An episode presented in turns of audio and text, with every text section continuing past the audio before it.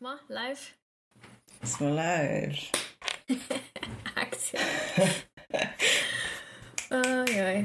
Ja, enačkaj. Dobrodošli na, mislim, da že peti epizodi Permagovorov. Uhuhu. Uh, danes se bomo mal pogovarjali o worldview ali svetovnem nazoru. Pa smo rekli, da se bova kar jaz pa Aleks malo razgovorila. Ko imamo doskrat uh, debate, mislim, o tem, da bomo we'll do what we know best. ja. Tako da ja, bova, bova kar midva. Um, ja, noč rekla sva, da bova prvo malo razglabljala, kaj je naš osebni svetovni nazor. Um, pa tudi, recimo, mogoče, če se zavedamo, iz kje je prišel, ali pa če se je kaj spremenil čez leta. Um, a bi mogoče ti začel? Hm. A bi znal Uh. sploh definirati, v bistvu to se mi zdi kar tako, mogoče najtežji del, ne, tako dejansko ful specifično, ful natančno definirati, kaj je naš svetovni nazor. Mislim, že z prve ti lahko rečem, da ne vem čistočno, ali pa ne vem niti vseh aspektov tega, zaradi tega, ker se mi zdi, da je full velik del podzavesten. Itak, preden se rodimo, nismo nič, ne, oziroma, no, ker tem bi se dal razglabljati, vsak ima malo svoje perspektive na to, ampak zgradimo si poznavanje sveta iz tega, kar izkusimo, ne. In to je pa lahko full specifično za določene situacije. Ne vem, glede tebe, ja, ampak. definitivno. Ja. Moje lokalno okolje, recimo, že sprve je ful uh, podeželsko, tradicionalno, po eni strani zelo katoliško in to je zihar en ful velik del mojega otroštva bilo.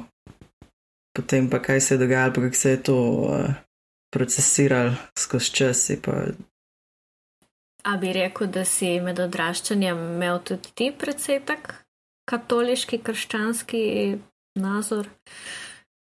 pa niti ne tako zelo, da bi bil full veren v tem smislu. Sem pa dobil veliko izobrazbe na tem področju, po moje. Um, ampak sem full hitro že začel razmišljati, kaj meni to pomeni, pa kaj jaz verjamem. Tako da sem bolj tudi uh, hitro začel druge stvari raziskovati. Pa se pa še full enih drugih religij noter uteknil, pa drugih zornih kotov na krščanstvo. Kakšne religije so te pa tako zanimale?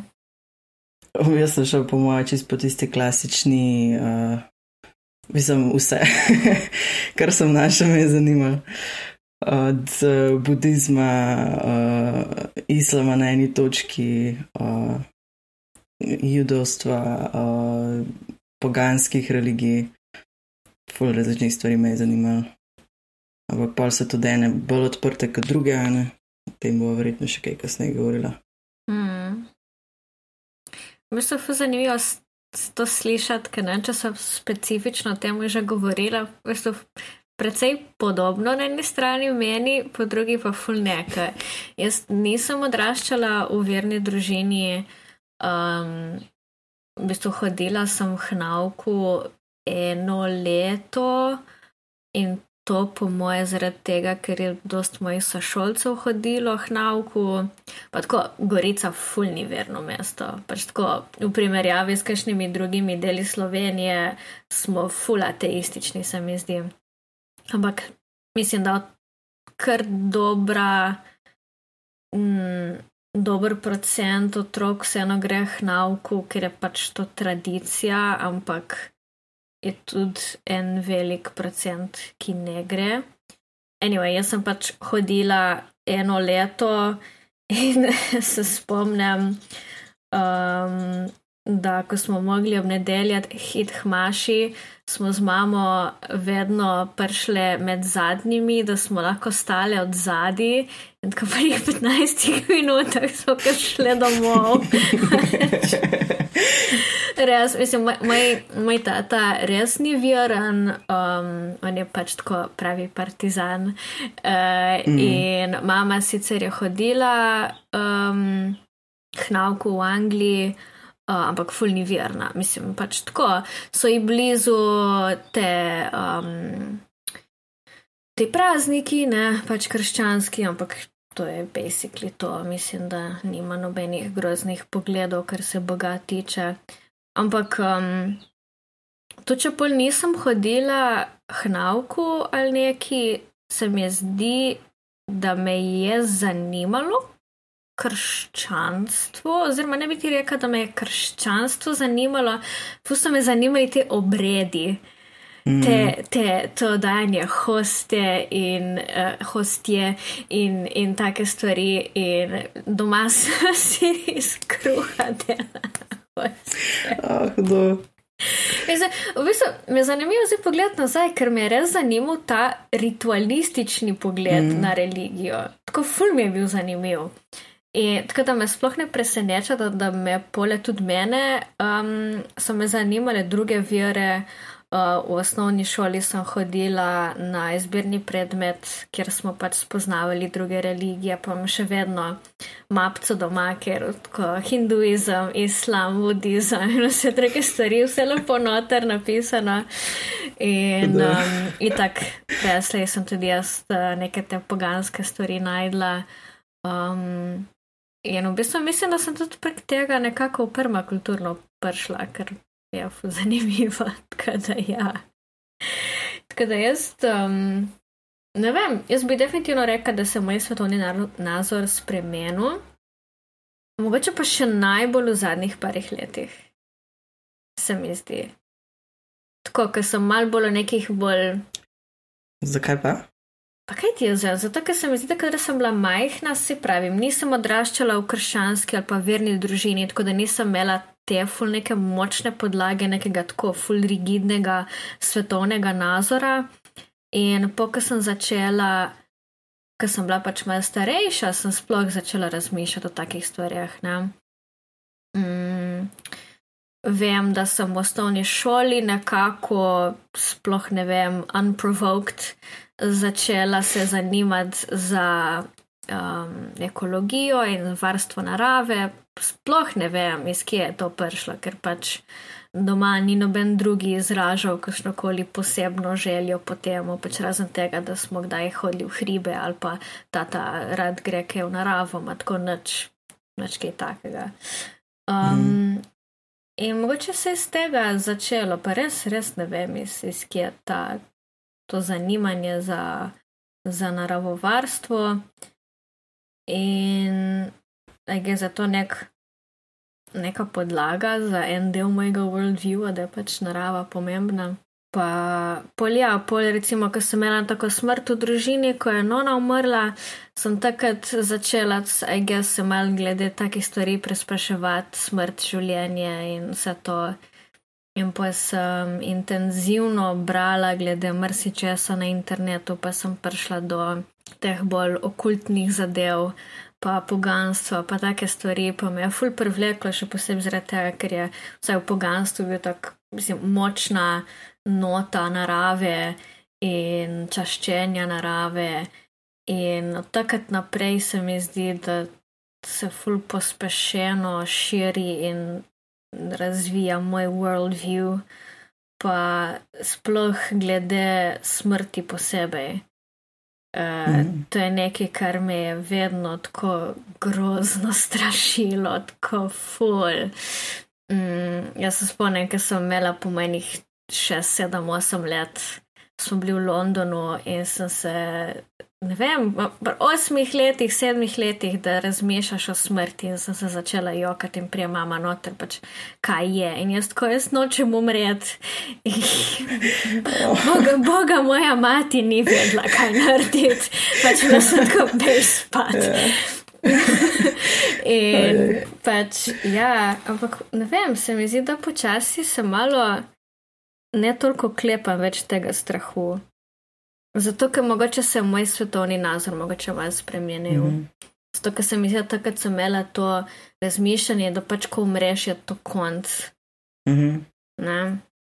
In mogoče zdaj sem malo bolj mišljenja, da pusti sta reinkarnacija v no tretje, če je to res, če ni. Ampak mogoče mi je bolj v to lažbo ta misel, bo vsaj pa, da bo moje fizično telo se reinkarniralo v nekaj drugega. Moje molekule bojo postale, hopefully, ne vem, drevo ali neki. Um, in v bistvu ta, ta cikličnost narave se mi zdi, da mi je ful. Um, Mal pomagala v neko uteho, da pač, kaj v bistvu, jaz zdaj s tem mojim strahom in to, da po noči ne morem spati, ker me muči misel, da en dan me ne bo več, mi v bistvu samo zdaj mm, uničuje dan in življenje, namesto da živim v momentu in da poskušam sedanji moment čim bolj I guess, izkoristiti oziroma lepo preživeti, razen da mi gre po glavi, kaj bo v prihodnosti, ker lahko jutri me ne bo več. ne. Mm -hmm. ne, vem, ne vem, to se mi zdi, da je tak um, največji. Jaz sem tako zelo redno um, ne mogla spati zaradi teh misli. To je kar močno. Ja.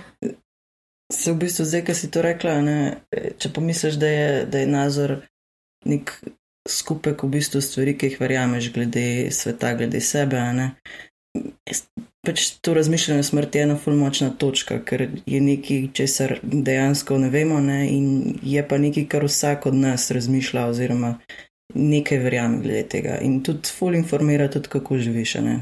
Točno to, kot si rekla, ali ne spiš po noč, ker te je tok strah ali ti je težko najti ten smisel, in potem ti je v bistvu smrt mogoče celo neki večja preferenca, kot kar, kar te je tok strah življenja, mogoče pač pol različne poglede imamo pa na, na vse skupaj. Ja. Zdaj smo šli v religijo, ne? ampak religija, ja. to se s pol različnih stvari, strani izteka noter. Mm.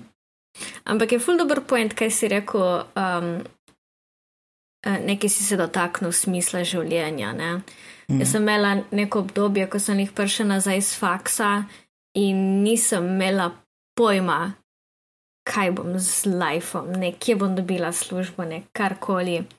In takrat sem imela tako zelo redno neke take mini breakdowns, ki so bile tako, kaj, kaj, kaj, ne, kaj life, kaj uno, kaj tretje.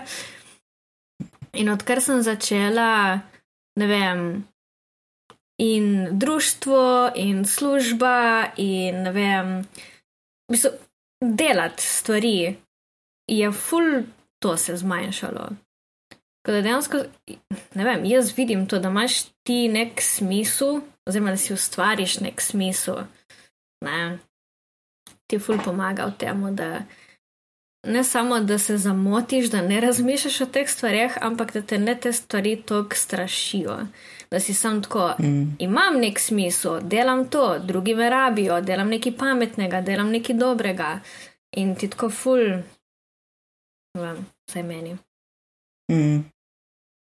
Sej, to, pa, to mi je pa v bistvu zanimivo, zaradi tega, ker uh, najdete smisel, ne v bistvu ful ena stvar, o kateri vsi razmišljamo, tudi ne, pa velikrat se pojavlja tudi v kulturi naši.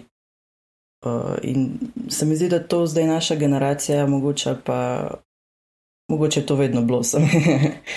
Mi pač poznamo to, kar je okrog nas. Da težko to najdemo v svetu, kjer je vsega tako veliko, kot je. Ful je presežkov, ful je možnosti, lahko greš kamor hočeš, svet je rato mehen. Ne, in potem najdete smisel, če si lahko karkoli. Je tudi ful težko, mogoče pa zato iščemo neko osnovno bazo, ki smo jo nekateri mogoče našli pri naravi, ker je res naša e, ena zelo očitna omejitev. Oziroma. Mm. To je ful dobr poen, ker si rekel, bi so ta um, paradoks. The paradox of mm. choice. Mm -hmm več kot imaš neki na voljo, težje ti je yeah. Ja. se odločiti. Ne? In bi se to ne. Ne vem, v srednjem veku je bil tvoj tata kovač, boš ti kovač, end of story, mm. pač nimaš kaj razmišljati. Pač. Ne, zdaj pa res, um, ok, nimajo vsi te svobode se odločiti, kaj lahko mm. delajo. Ne. To, da v bistvu nam se to zdi, je krtko privilegij. Ja. Definitivno. Máš pa prav, da tudi to se mi zdi ful, ful pomembno, kar si rekel, da pač li zato, ker je toliko stvari mogoče, mogoče ta najbolj prizemljena stvar, narava, še najbolj tako potentna, ker je mm. vse, če ne vse v luftu. Ja, wow. Ja. Mm. Res. Ja, jaz vem, da to. To je bil en moment, ki se mi je v srednji šoli že zgodil, po mojem, da sem začel ugotavljati, da to, kar je sprejeto kot default, kot nek, kar je pač logično in normalno, in tukaj je nekaj, kar smo se zmenili na eni točki odločili, začeli delati, in še to ne počnemo vsi. Ne? Enim to funkcionira, enim pač ne, ampak tako ponovadi večina izključi kot neke čudake. Ampak to ne pomeni, da so izključeni zaradi tega, ker je njihova pot slaba, samo zato, ker so pač drugačni. Ne? In da je v bistvu fulanih poti, da si lahko zbereš tako, kot ti funkcionira. In to mi je bilo pač po eni strani zelo, zelo strašljivo, ker to pomeni, da moraš zbrati. Ne? Po drugi strani je pa tako ful velike. Mm. In raziskovanje tam. Ja, in se zavedaš, koliko stvari je v bistvu nek socialni konstrukt. Mm. Mislim, v vseh letih, tako, a, to je social contract, no, to je social contract. Mm. Ja, pa se v bistvu je, ne, v bistvu cela naša družba operira po pravilih, ki smo se jih kot ljudje zmislili. Pač mm. nikjer ni deset zapovedi, tega lahko in tega ne smeš. Mislim, so ne, ampak ne veljajo mm. za vseh. Um, tako je, ne? ja, je ful, ful zanimivo. In mislim, da to se mi zdi, ne vem, tako ful velika točka preobrata za ful ljudi, ko se začnejo te stvari zavedati, koliko mm. je sam. Sama neka arbitrarna pravila, ki so se jih eni izmislili in zdaj kao veljajo za vseh, ampak za ful ljudi res jih ne podpiram, jih, mm. samo zavira v bistvu. Ne? In to se ful, ful pokaže pri kakšnih marginaliziranih skupinah. Um, yeah. Ja. Mogoče še najbolj pri recimo kvir skupnostih. Mm. Mislim, vsaj, mogoče te so še najbolj na očeh. In so tudi na, največji skok so naredili v zadnjih cajtih, v zadnjih par desetletjih. Ne? Vsaj v našem okolju, ne? To ne. Ja. Ker tudi nimamo tako velike, kakšne rasne diverzitete, kot kje druge po svetu. Mm. Dobro, pustimo tudi stati, da recimo v drugih kulturah pred kolonizacijo je veliko kultur imelo neke socialne norme, ki so vključevale neke kvir kako bi temu ne osebnost. Mm. Pač. Ja. Identitete. Ja. Ide, evo, evo, ja.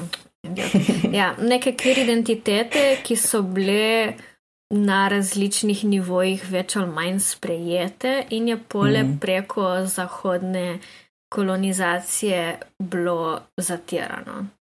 Mm. To me je pa zanimivo. Ne? In da tudi na to ne smemo mal pozabiti da ni ja. to nekaj novega, da ni mm -hmm. to nekaj ne vem kaj, ampak da kvir osebe obstajajo od pamti veka.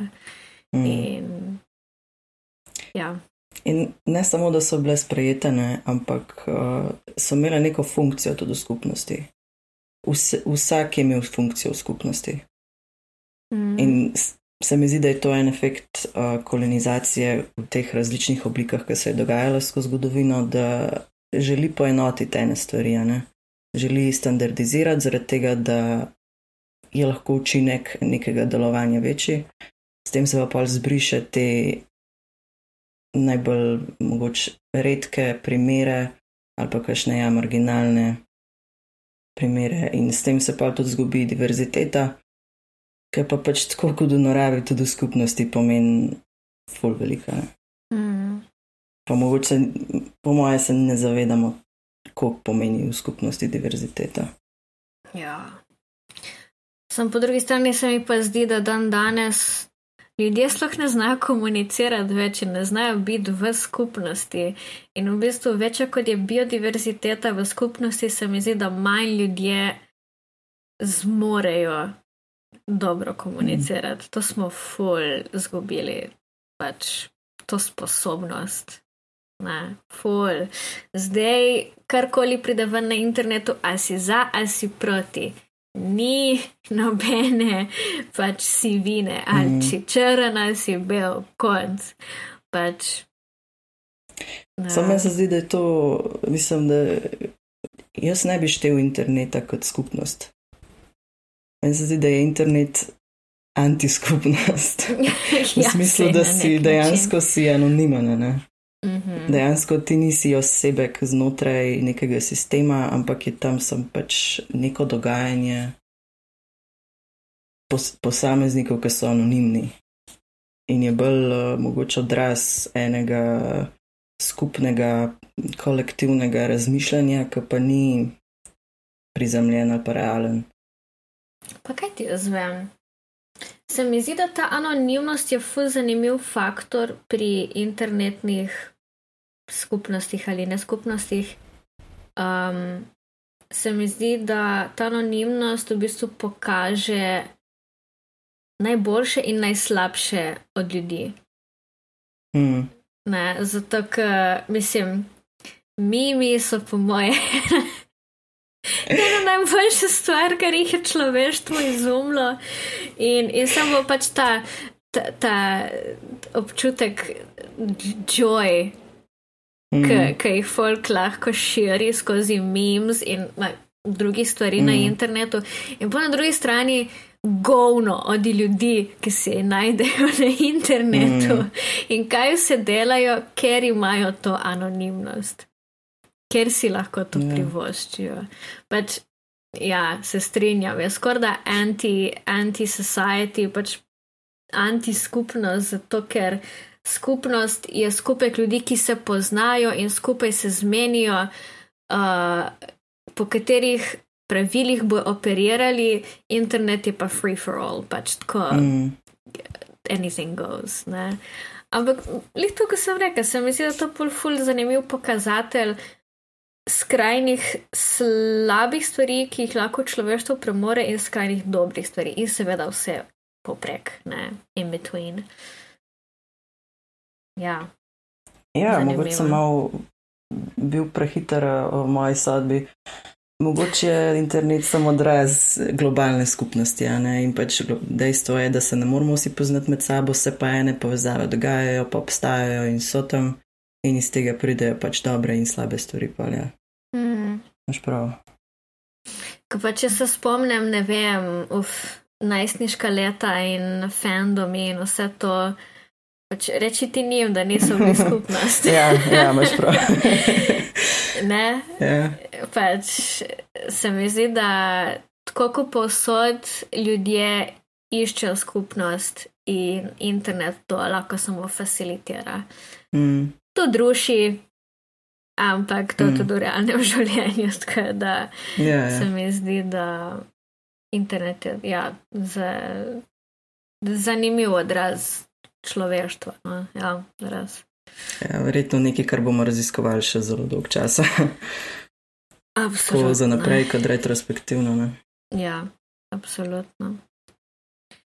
Uh, dobro, se mislim, da sem kar našla tako left the field v tej debati, ampak Ja. yeah. ful dobre debate, res. Zelo all over the place. Ja, all Uh. over the place, ampak ej, uh, amazing, sem bilo všeč, kaj smo zdaj govorili. Ja, bi se začela sva s tem, kaj je naš worldview. A, č- a, a bi poskusili na hitro neki uh, Pozet. na vrst povzeti. Mislim, kaj ti verjameš? Kaj je za te resnica? Za me se, se stvari zelo dobro poklopijo s permakulturo, zato sem full vesel, ker v bistvu kar na koncu dneva za me je um, res, je to, da rabimo poskrbeti en za drugega, zase, uh, za naravo, ki je okrog nas, ki je pač naša edina objektivna realnost ne? v fizičnem smislu. In pač za to, kaj se bo s tem okoljem, pa z našimi skupnostmi dogajalo naprej, se pravi, da poskrbimo za prihodnost. In to so stvari, za katere rabiš skrbeti, in ostale so opcijske. to je moj. Wow. ne, ful dobro. Ne, tudi je ful bilo všeč, kar si rekel, objektivna realnost. Um, zdaj bomo spet malo zašli z debate, ampak ful bilo zanimivo. Sem eno teh dni zasledila um, da so rekli, da verjameš ali ne, vsak ima svojo realnost. In mm. to je lahko pač bazirano na lokaciji, kjer živijo, religija, ki je okoli njih, kako živijo, pač koliko denarja imajo, v kakšnem stanju je njihova zavest, pač mentalno zdravje mm. in vse to.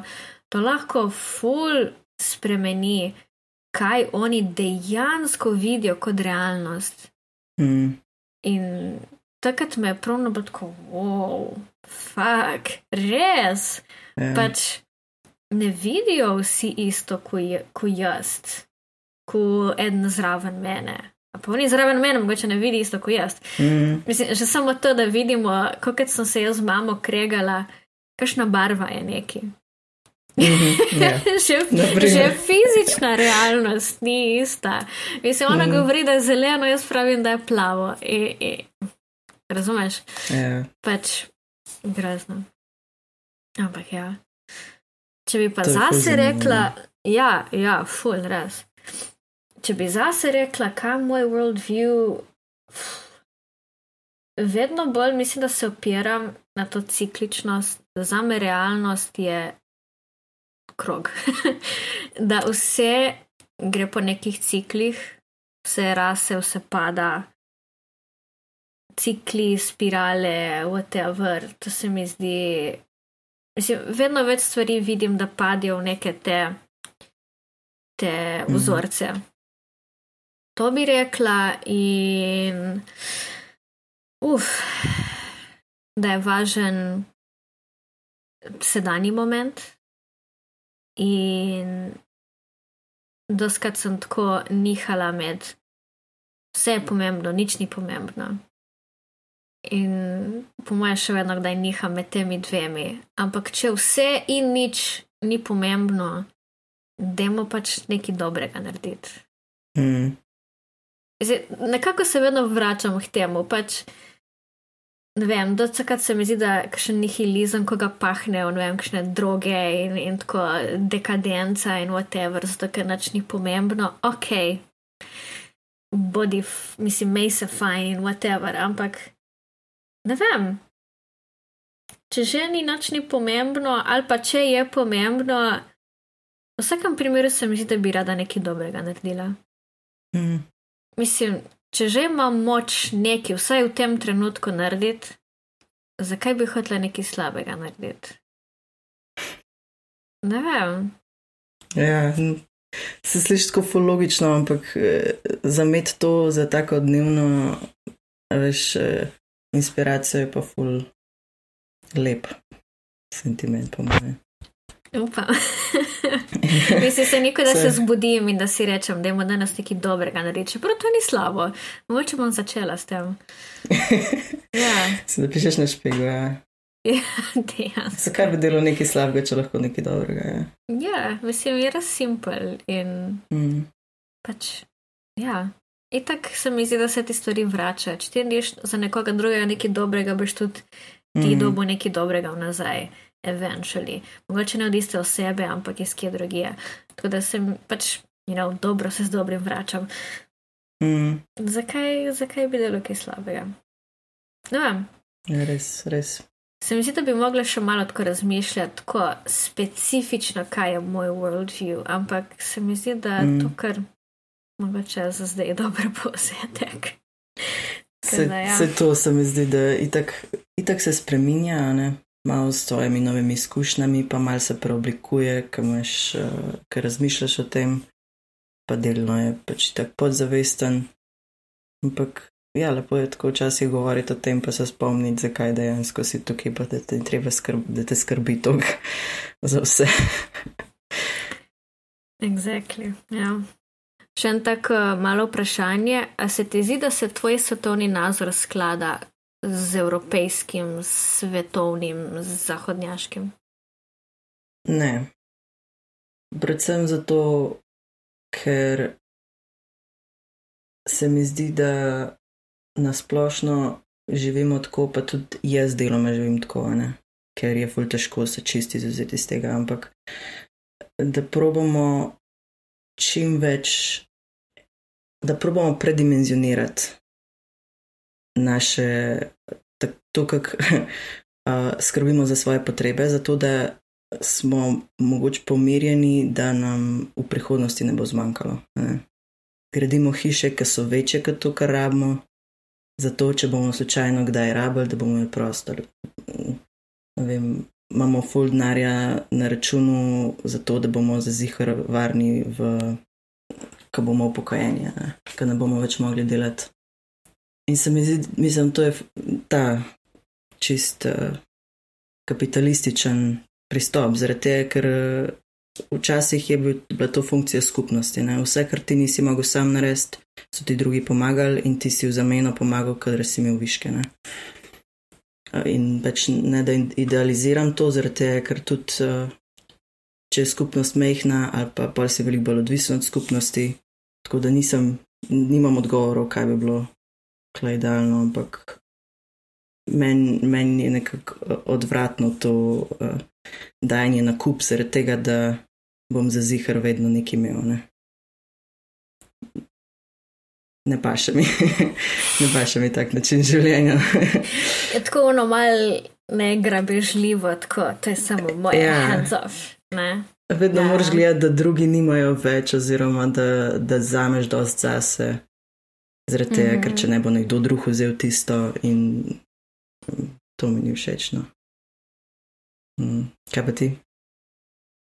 Ja, mislim, samo mi daje misel, to, kar si ti rekel, pa v bistvu na mesto, da se vire in predmete, elemente, whatever, uporabi v tem trenutku, ki so zdaj na voljo, da se vsem zadovolji potrebe, eni ne, so grabežljivi in kopičijo za svoje dobro, za svojo prihodnost, medtem ko zdaj ljudje umirajo, nimajo hrane, mm. Rabijo medicino, whatever. Ne. Je, to. je spet to v bistvu, da daš ti prednost neki prihodnosti na mesto sedanjosti. Mm, Čeprav po drugi strani, recimo, pač v tekstu sem izpostavila, da kakšne staroselske skupnosti pa imajo ta princip, da razmišljajo, vsaj ameriški staroselci, da razmišljajo za sedem generacij naprej.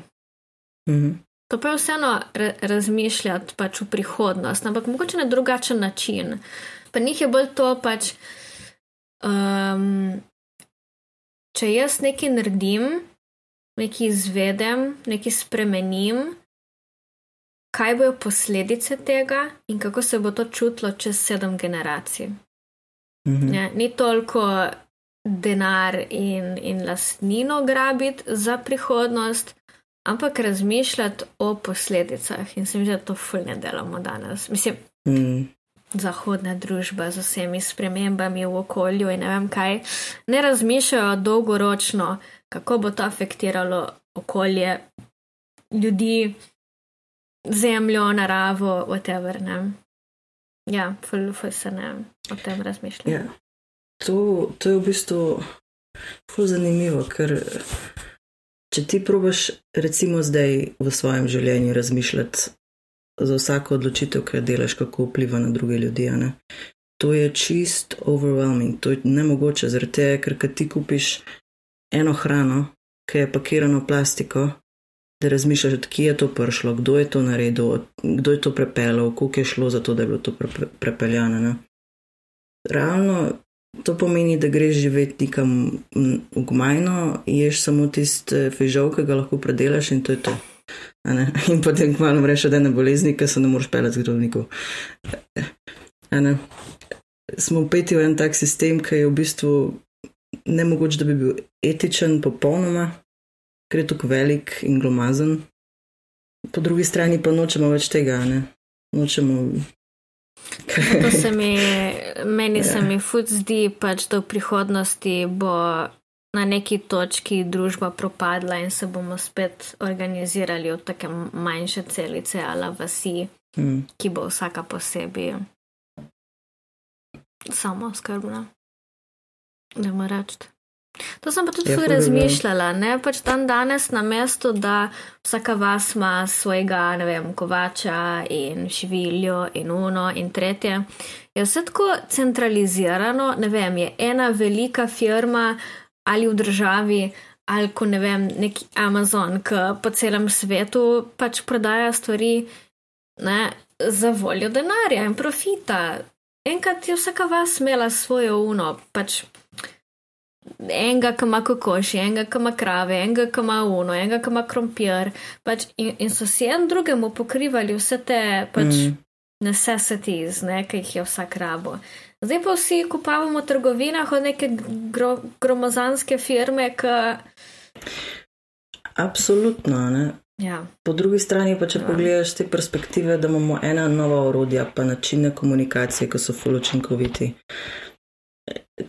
če daš primer Amazona, ne, mogoče ni iz principa slab, samo način delovanja je slab, zaradi tega, ker dejansko vas profit, se pravi, vsa vrednost, ki je ustvarjena, gre k enemu človeku, ki ima samo neko imensko vrednost. Ne. Hmm. Če bi se to pač nekako porazdelili med tiste ljudi, ki dejansko to izvajajo, bi bilo lahko to čist permakulturna firma na en način. Pa bi vse en eni produkti potovali, ki jih je mogoče malo teže proizvajati, pa jih ne more vsaka vas svojih. To se sliši že zelo um, utopično in komunistično.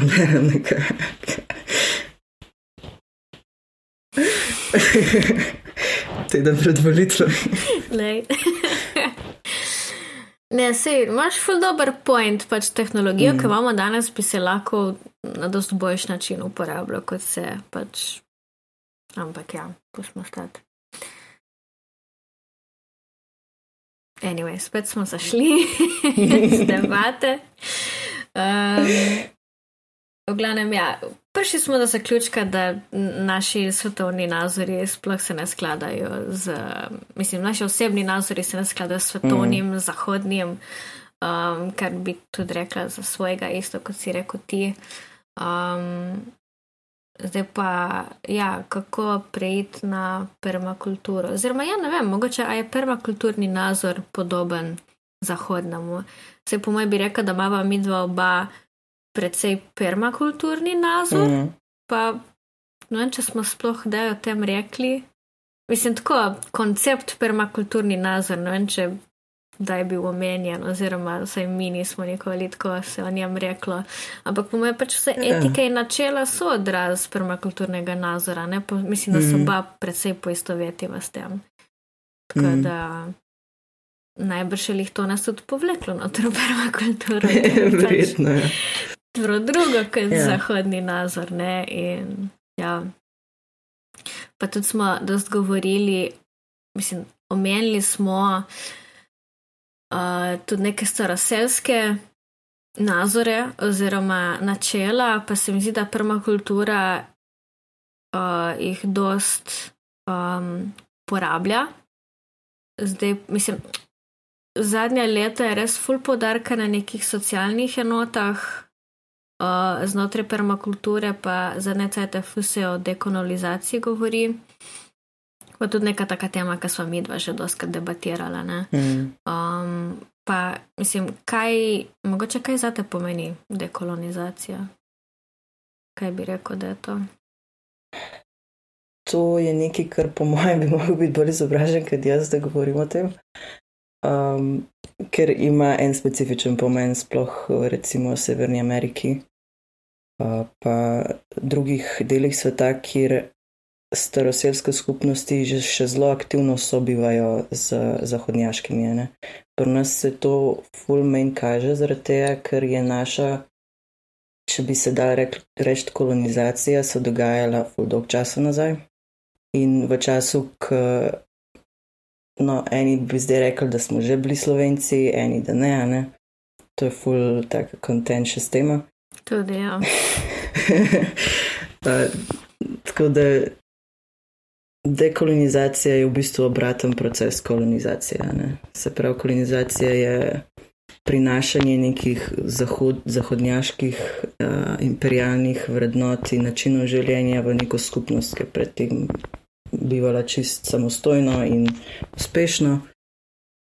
In potem, ko je nekaj časa, sto let, več kot sto let, uh, bila na kakšne nasilne načine tudi uh, prisiljena v to, se je začela spet malo samosvajati in se probati malo doliti od tega. Ja. Temu bi rekel, da kolonizacija. Ja, to si kar dobro povzel, po moje. Pa kako si rekel, naj, najbolj se to čuti mogoče v Ameriki, ker je tudi, kar se, ne vem, glede rase in tako še najbolj pogovarja. Mm. Um, mislim, da je tako ful pomembno, da se tle spostavi kontekst.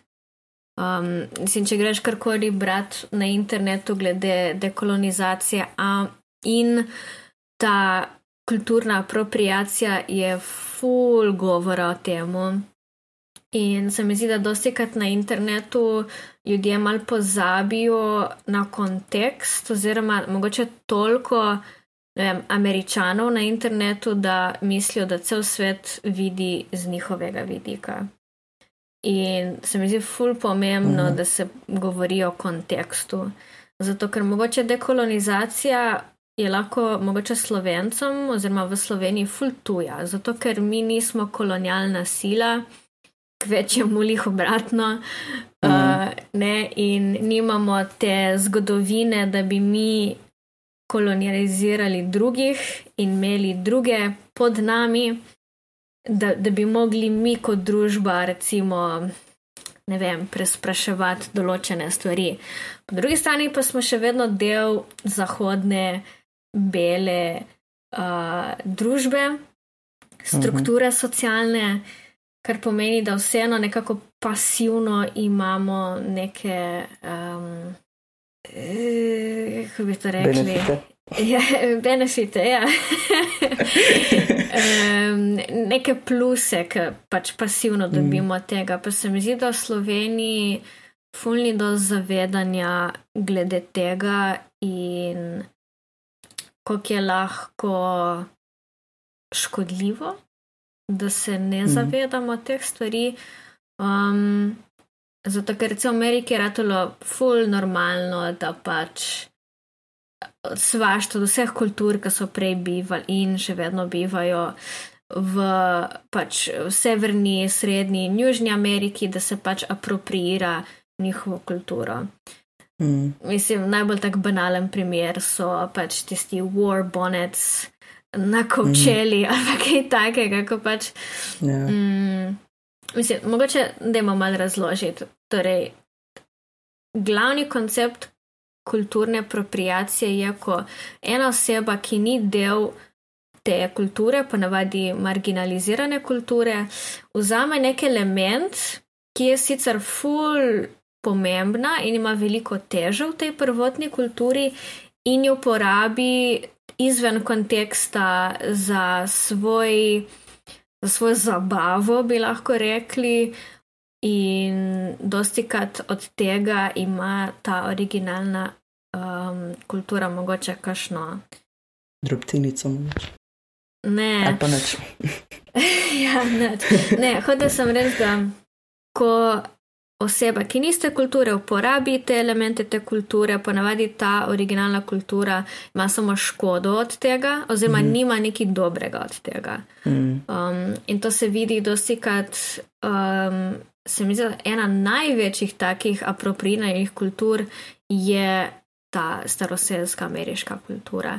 In te vi, um, ko bi se rekel po slovensko, pač te. Um, Ni krona, ampak pač to, ko imajo, ko si dajo čez glavo. Tradicionalno nošenje. Ja, ja, mislim, ti, ti so specifično za njihove um, bojevnike. Mm ne, tako da, mislim, ja, jaz noša za njih, za te njihove bojevnike. In to je ful tak znak spoštovanja um, za bojevnike, ki so pač večkrat uh, se bojevali in bili uspešni in vse take stvari.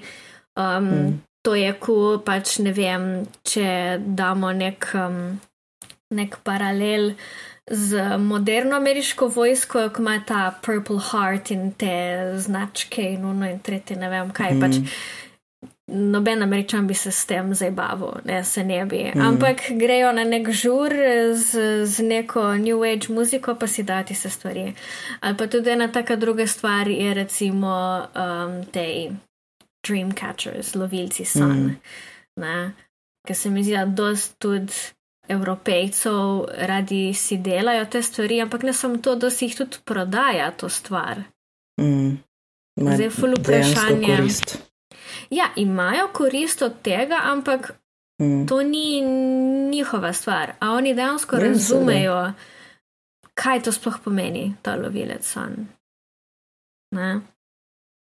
Pač. Zelo vprašljivo zelo prešljivo. Ja, pa zato, pa po drugi strani pa verjamem, da oni ne mislijo nič slabega s tem.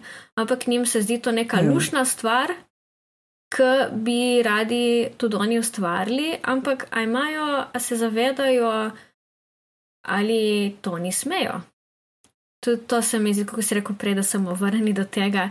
Nekatere kulture ali religije so odprte, nekatere zaprte. Pomeni, da. Mm so eni zunanji, se lahko pridružijo ali ne. Uh, in tudi tradicije so zaprte ali odprte, ali ti lahko sodeluješ ali ne. In ponovadi so lihte marginalizirane uh, religije oziroma kulture zaprte, zato ker jih drugi uporabljajo svoj prid izven konteksta in so pač rekli: ne, ne, ne, to je naše, da ne moreš ti kar mm. neki po svoje vzeti in delati karkoli hočeš tam. In se mi zdi prav. No. In ne vem, se mi zdi to nekaj, kar je ful pomembno, da se uh, v zahodnem svetu bolj govori od tega in da se pač kulture spoštuje. Je ful lepo, da tebe zanimajo druge kulture. To pa zdaj druga platkovanca, kulturna appreciation. Zdaj, mene mene uh -huh. fu mhm. zanimajo druge kulture, pač jaz bi vse vedela, ker me fu zanima tudi pač ta. Um, ne vem, njihov worldview in kaj verjamejo, mm. in religija, in vse to. In mislim, tudi, ne vem, obleke so ful velik del kulture, mm. ne, pa, pa me ful zanima. Sam ne bom, ne vem, si oblekla neki, če to z njim ful veliko pomeni in recimo si lahko samo določeni ljudje nekaj takega oblečajo. Mm. Pač moramo, moramo biti tako senzibilni oziroma z nekim spoštovanjem, ne? da ne moreš ti kar vzeti vse, kar hočeš. In ne mm. more biti vse tvoje. Ne? In ja. Se mi zdi, da ja. sem zdaj napadalna. ne, ne, ne. Meni se zdi, da je to um, to zna biti malo težko razumeti nekomu, če ni imel veliko kontakta uh, s takim. Pač naj jo to zanima, recimo, smo ful raziskovali o kakšnih takih uh, stvarih in tudi uh, spoznavaš, ne, ene stvari so ful specifične, ene izkušnje. Ti lahko sicer nekaj počneš. In kopiraš tisto stvar, ampak jadro tiste izkušnje je fulmočno ta izkušnja ameriških staroseljcev, ko so šli čez njo uh, v času, ko so bili kolonizirani, je se v bistvu dogajala pred relativno kratkim časom ne? in je še ful močna v njiho, njihovi kulturni in ko, zavesti. Tudi, ja. In je več, da bi ti imel pol neke elemente ven iz tega in jih uporabljal v eni svoji čist drugi izkušnji. Aj to res ima nek pomen, ne? a ima pomen, nima ga v bistvu. Zaradi tega, ker tvoja izkušnja je druga, unikatna na drug način. Kar pa lahko počneš, je, da se izobražuješ o tem, pa vidiš, kako drugi ljudje ene stvari ali pa druge kulture procesirajo ali pa vidijo, pa potem z enim spoštovanjem do tega, kar si se naučil, gradiš svoje uh, razumevanje sveta. Ne? To se mi zdi ful pomembno. Ja, lahko da nekaj rezonira s tabo in lahko da mogoče čutiš, da imaš neko podobno situacijo ali podobne izkušnje, ampak se mi zdi, da to ti ne dovoljuje, da ti vzameš nekaj, kar je zelo specifičnega za eno kulturo, za en narod, ki je, ima zelo specifično zgodovino in poti to si vzameš zase. Mm. Lahko si mogoče, kot si rekel, ti da nek, um, neko inspiracijo, te malo vodi, to ono tretje, ampak mislim, kako ljudi sem slišala, so rekli, da so budisti. Mm. Mislim, razen tega, da, mi, da vem, si pet minut meditiraš vsak dan, kaj, kaj glede tebe je specifično budističnega. Mm. Ok, that sounds horrible, ampak pač. Tako je, kako um, hitro nekdo si prilasti nekaj, kar ni v bistvu na voljo, da si prilastiš. Mm. Pa se mi zdi, da se moramo to malo tako pošlihtati v glavi, da. Ja. ni vse zate. mm. Ampak po drugi strani pa se mi zdi, da je ful, kako smo prej rekli, druga stran kulturne apropriacije, pa že ti neki. Um, Prišije ta slovenščina, da nekaj ti všeč in da ti je zanimivo. In to se mi zdi ful um, lepa stvar. In kako to sploh narediti? Recimo, ful lepa stvar je, če ti ne vem, greš obiskat neko to državo, ki te ful zanima, pa ti interaktiraš s temi ljudmi direktno in mogoče kaj od njih kupiš, da oni imajo ekonomski um, mm. plus od tega. Ne? Doskrat, ne vem, se kupuje še take stvari na internetu, ki je bilo narejeno, magari na kitajskem in če je to iz Severne Amerike, kaj ima to veze.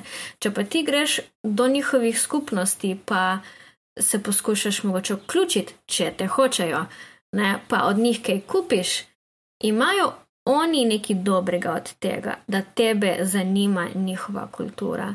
Ne pa da ti daš denar nekim korporacijam, ki delajo neke fejke.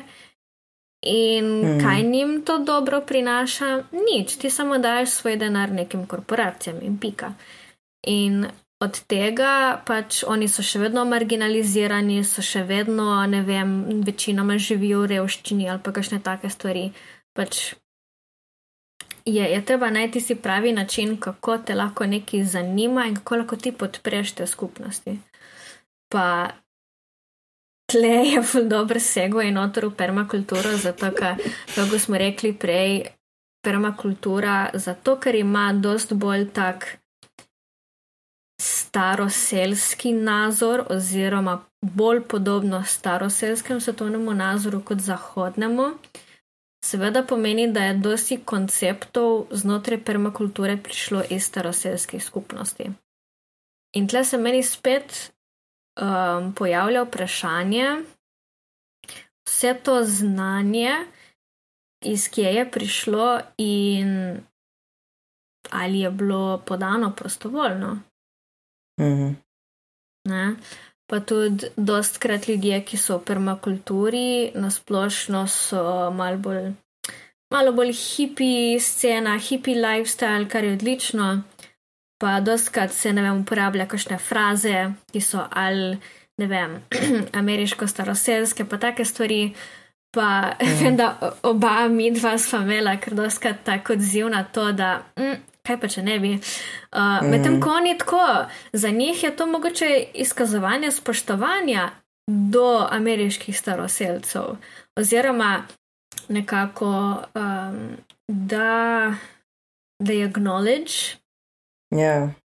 da so Prepoznajo. oni. Ja, prepoznavajo njihovo modrost mm. in zato bi radi uporabljali njihove fraze. Ker se mi zdi tudi, ful, mislim, lepa misel, ne? če misliš, pač ni, ni nič slabega za, za tem impulzom.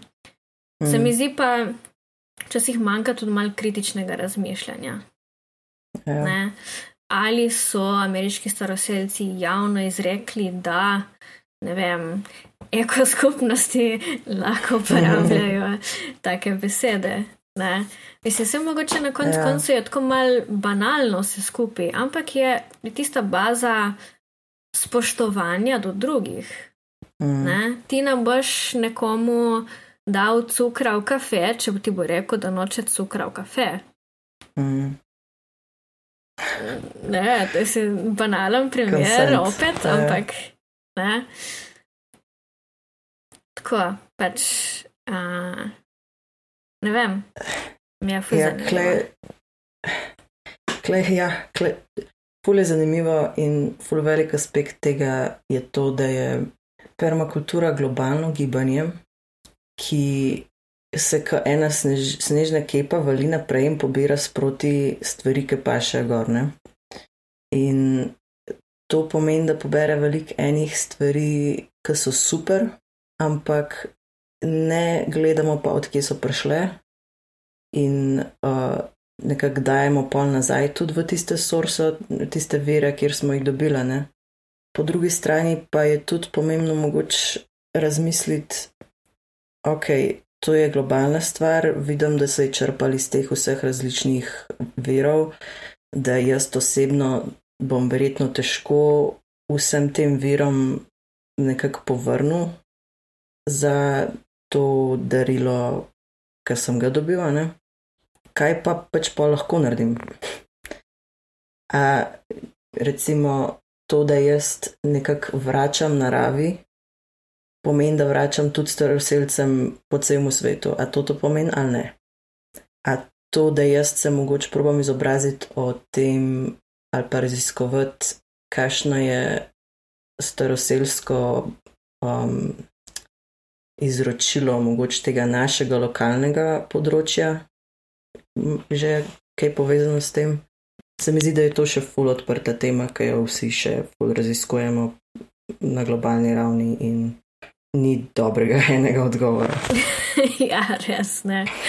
Samo to, to mi je zanimivo, kar si rekel na začetku in to je nekaj, kar sem tudi o sebi razmišljala, da ja, vsi ti dosti nekih tehnik in takih stvari znotraj permakulture so iz um, nekih aboriginskih ali pa um, ameriških staroseljcev. In ena moja ideja je bila, da bi se recimo, če se izvede nek tečaj, uh, da mu reči, da se vem, par procentov prihodkov nameni, da se ne vem, najde neko organizacijo, ki podpira ne vem, staroseljce, ki so v revščini ali pa kaj takega, in da se jim donira nek del. To se meni zdi Mhm. ful lepa. Um, lepa stvar. Je pa res, da ja, ne moreš vedeti, kje vse je to znanje prišlo in kaj zdaj boš, ne vem. ne vem, se mogoče lahko vsakeč enemu drugemu doniraš, kaj ti jaz vem, najdeš iz, iz ene druge. Um, Drugega kontinenta ali kaj takega. Mm. Več, ampak ja, fulje načinov, kako lahko to greš. In to tudi, kar si omenil, pol pa na koncu, da se poskuša, poskušaš malo glede. Mislim, izobraziti glede kakšnih staroseljcev, ki so živeli na tvojem območju, in tako veš, da sem zato, zato ker me zanimajo staroverci. Ne? In um, to je tudi ena taka stvar, ki me je ful povlekla noter v staroverce, zato mm. ker se mi zdi, da lahko dobiš neko to modrost staroseljcev, ampak ne sodeluješ Mhm. um, v tej kulturni apropriaciji. Ne? Zato, v bistvu, konc koncev se mi zdi, da večinoma teh vem, glavnih idej in etik in zapovedi od nekih staroseljskih skupnosti se mi zdi, da so ful podobne. Pač, ne vem, se mi zdi, da so vsi prišli do nekih zelo podobnih zaključkov. In, ampak pa so tako neke lokalne variacije, ker se mi zdijo pa tudi fu zanimive in, in tudi fu pomembne. Mm. Zato mi pa fu zanimivo pač brati um, glede naših starovercev, sploh pa, ker so jih tle iz posočja, ker je tako tle za ovinkom zame. Mm. In tudi nasplošno zato, ker imam tudi angliško ozadje.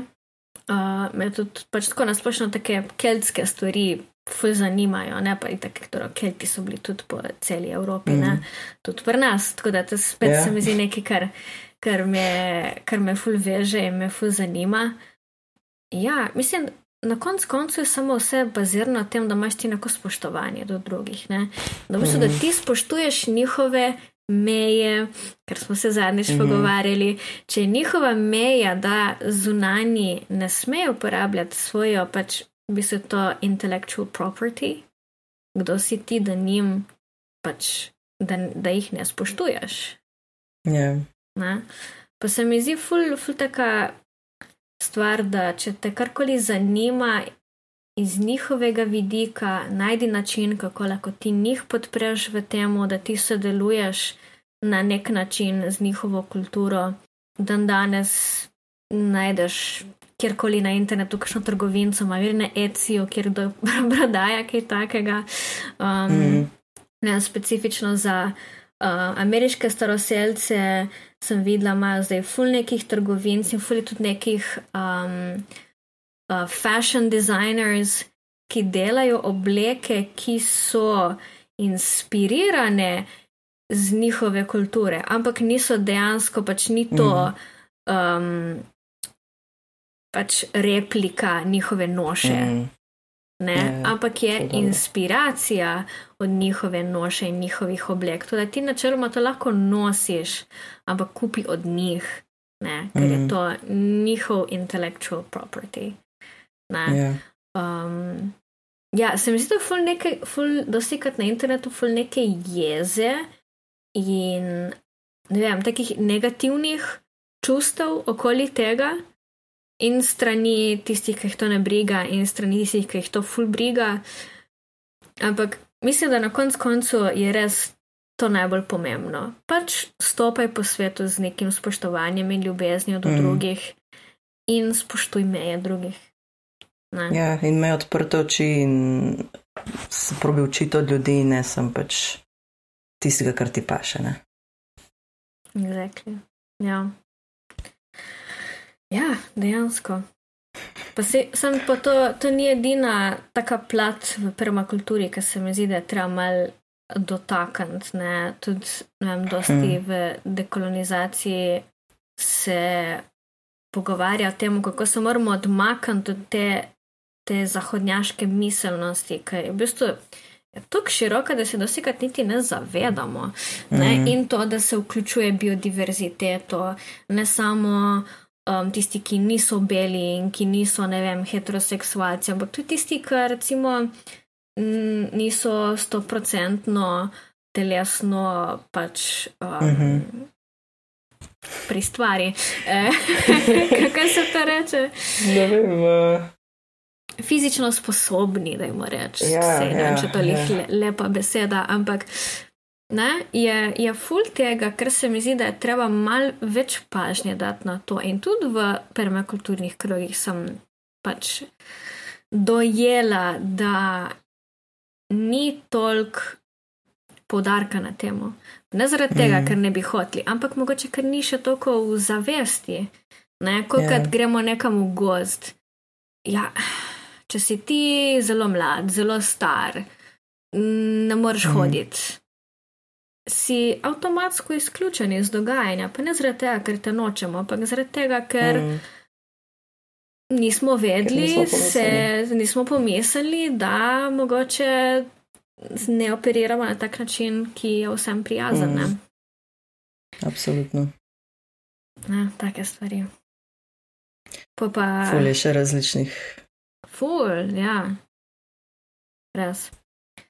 Pa, pa so tudi ne take stvari, ki sem videla veliko kritiko na kakšne večje permakulturnike, ki uh, recimo so ful uspešni, to no tretje, ampak dosti jih kupi zemljo v Srednji Ameriki, Južni mm. Ameriki, Afriki, v kakšnih teh mm. državah, ki so, aj jaz nekoč bile kolonizirane, ampak niti to ni tok point.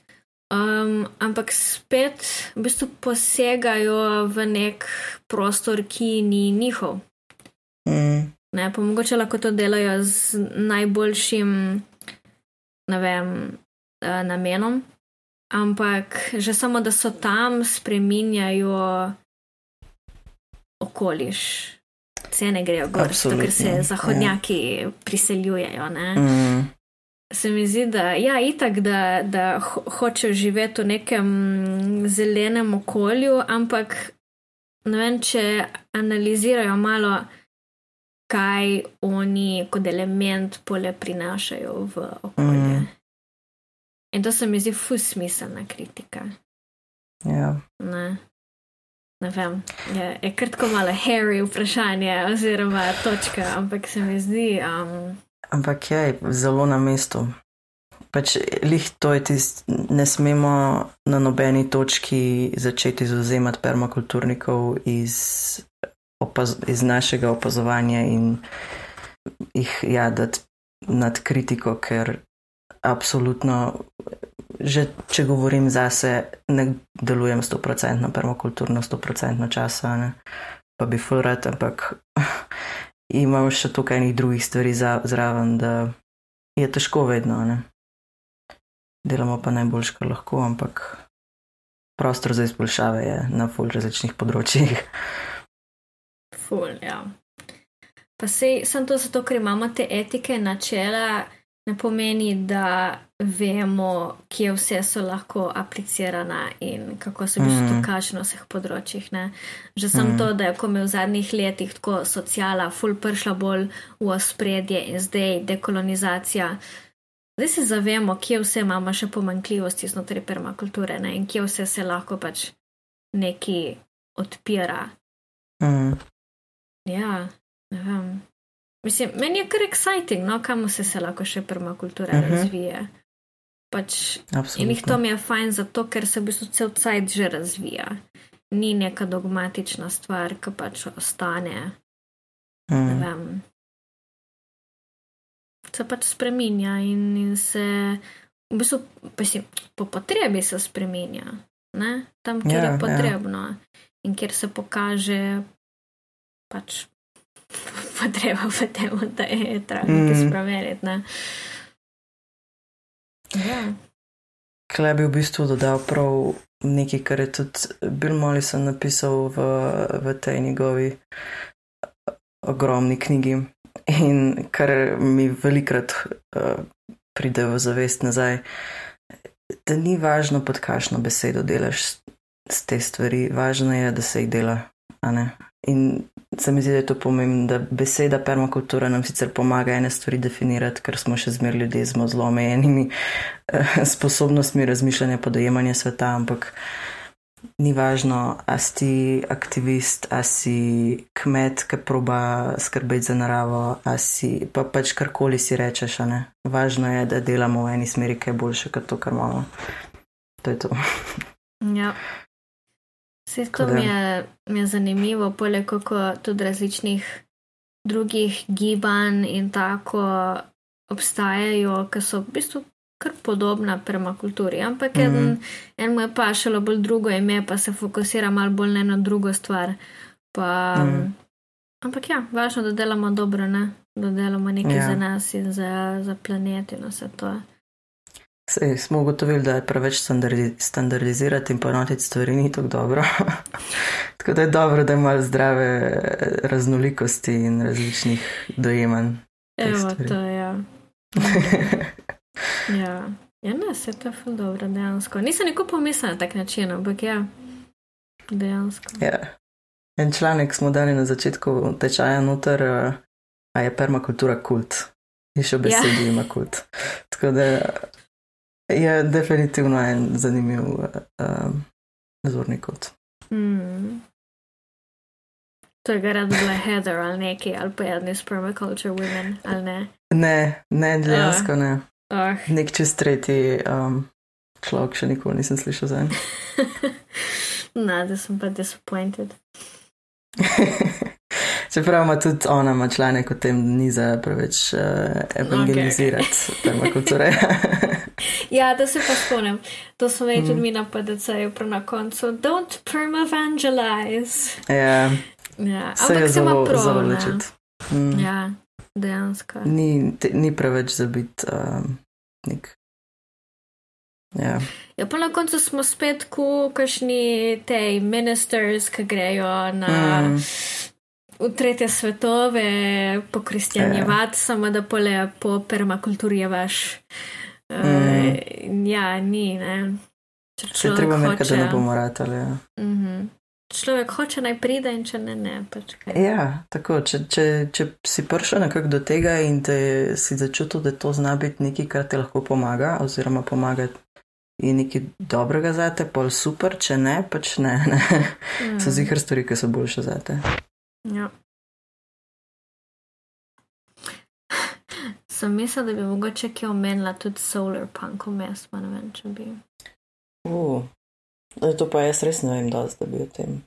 Pa ja, ne vem, solar punk mi je bil zanimiv, sem tudi tako randomly naletela na njega par let nazaj, pa se mi zdi zanimivo, da je ena tako redkih um, teh alternativnih sci-fi vej, ki so tako mm. pozitivne. Pa jaz sem full mm. videla permakulturo znotraj v Solar Punk. Ne? V bistvu to, da se. Ja, da, da se v bistvu te zahodnjaške principe zavrže, kar se tiče pač kako je socialna organizirana, glede mental health, glede biodiverzitete, glede takih stvari, da se pač um, da se interaktira z naravo, z planetom na tak zelen način, da se vlaga v zeleno tehnologijo. Um, da je ta, tako res sobivanje med ljudmi in živalmi mm. in naravo. In mi je ful zanimiva stvar.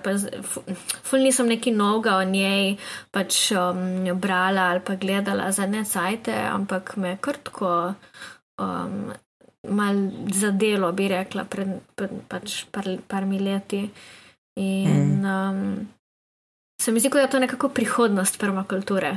Pač tako, permakultura je zdaj v sedanjosti in to je tako, mm -hmm. ful, so ful neke take lepe sanje za prihodnost, kako bi lahko bilo. Ne, ne ful, um, to se mi zdi zanimivo, ne, da pač permakultura je uno, uporabi kar že imaš zdaj in kaj lahko zdaj narediš.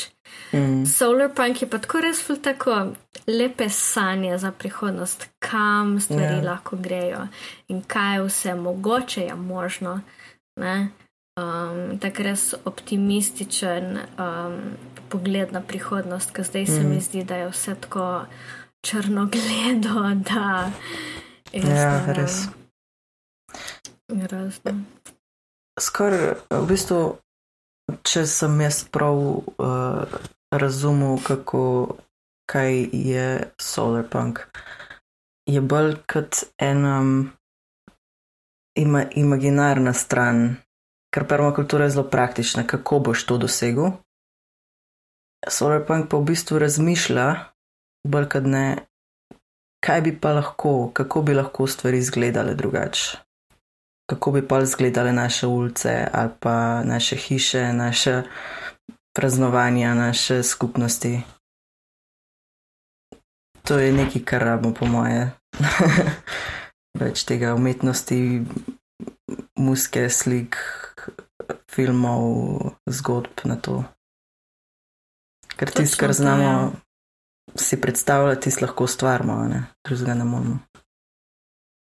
Se to je ful tako, um, tako lahkotno, pozitivno ne, dojemanje prihodnosti in kaj vse je mogoče. Tako si rekel, ful, ful se ta, ful se umetnost, ful se čustva, ful se mm. vračanje k naravi vključuje noter in biodiverziteta in.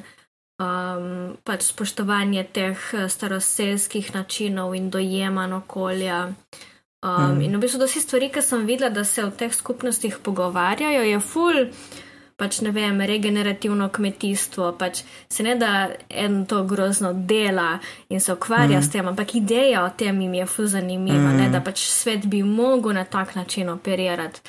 In tudi, ne vem, glede um, mentalnega zdravja je bilo ful pač govore, da je treba dati uh, prednost temu in da družba mora operirati na tak način, da je prijazna um, pač mentalnemu zdravju posameznika. Mislim, vse mm. take stvari, ki jih, mislim, tudi mi v permakulturi stremimo k temu. Um, mm. Tako, če gledaš kakšne slike na internetu, kdo je narisal, kako bi lahko kaj izgledal, pa tudi ful lepo. Uh, zato, ker ja. ful, ful so si izbrali ta art nouveau, ta secesija, mhm. -huh. po slovensko, uh, ta stil, ki je tudi v bistvu ful um, inspiriran strani narave, take organske oblike, pa take lepe. -huh. žive barve. Um, tako da se mi zdi, ja, vedno zanimivo in tako, kot je nekako prihodnost, lepa, mm. da lahko stremimo k njej, um, v bistvu po permakulturni poti. Ne, tako da, ja. dobro. Ja. Ja. Zdaj se kar veselim prihodnosti. Vse vem, da ne bo pač tako. Ampak... Ne, ne, lahko bo, lahko da bo. ja, ampak mislil sem, da ne bo sto procentno tako, ampak kaj že sem ta aspekt, da mogoče pa nek, nekdo nekje bo neki tazga ustvarjal, je full lep. Um, Lepo misel. No. Vidiš, ne, rabimo, rabimo pozitiven, optimističen pogled na prihodnost. Ker mm. že zdaj vidim, kakšne moje učence, ker sam, če smo omenili kaj glede uh, zemlje, mislim, planeta, narave, pravi mrak jim pade na oči, ker mm. vidijo samo negativo. To se noče pogovarjati o tem, zato ker za njih je to tisti underlying anxiety, ki jim je konstantno v glavi in ne vejo, kaj lahko tem naredijo. Mm. Ne vejo, kaj. Zato, ker mi imamo te učbenike, um, te National Geographic učbenike, ki so mi ful dobri, zato, ker mm -hmm. ful take glede biologije in narave in uh, pač kulture in take stvari so noter, so mi odlični.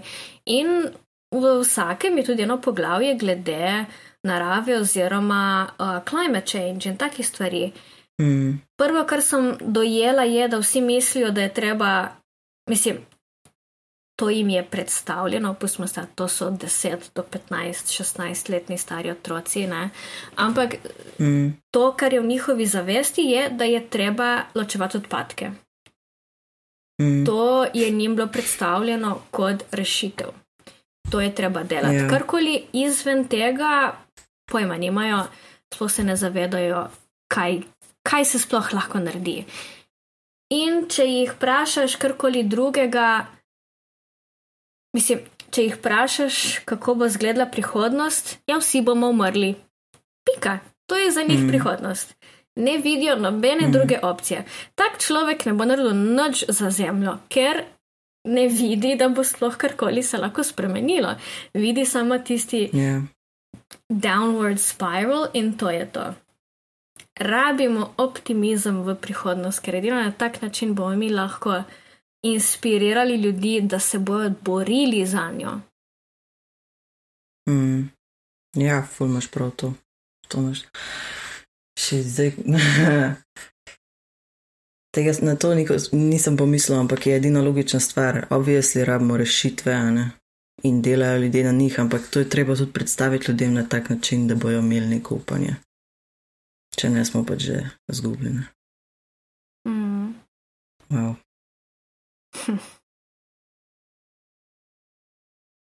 Zdaj gledam slike,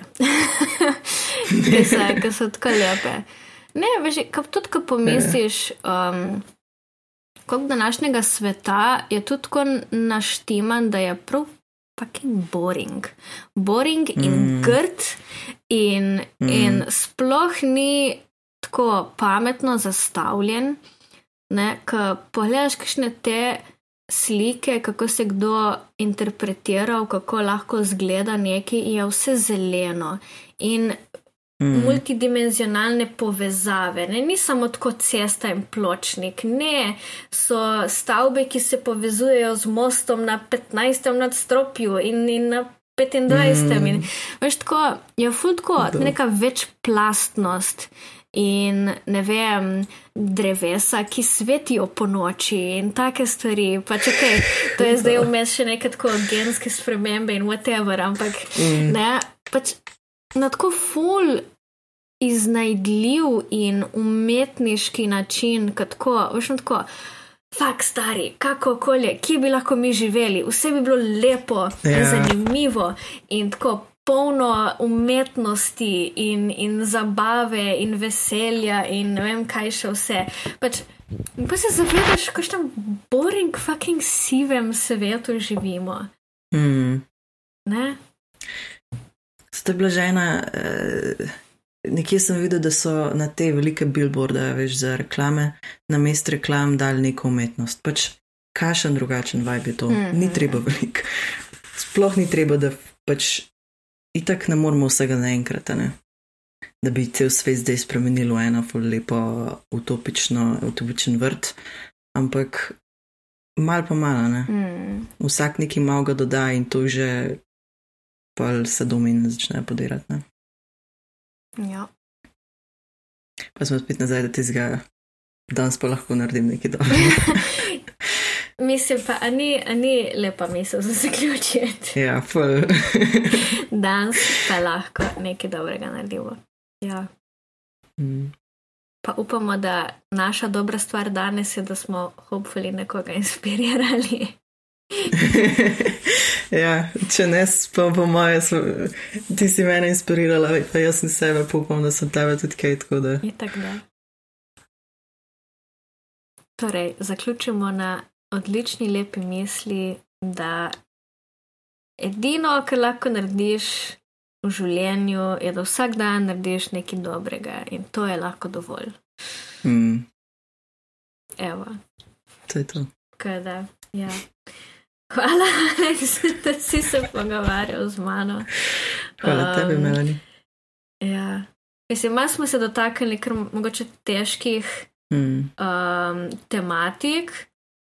Um, bi pa samo tako rada en disclaimer dala na koncu, da vse to, ne vem, moje osebno mnenje oziroma naše mnenje, mm. pa če mogoče karkoli, ja, da če bi bilo mogoče karkoli slišati rahlo napadalno, pa kaj takega, da ni bilo tako mišljeno, ampak tako uh, smo samo zelo, vse z moje strani, no, uh, mm. zelo um, passionate glede tega, da je treba nekaj na tem področju delati in da se treba pač mogoče samo o tem malo več pogovarjati. Ja. No.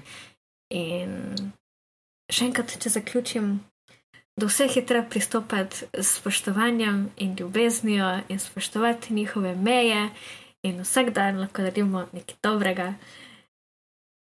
In to je to. In to je to.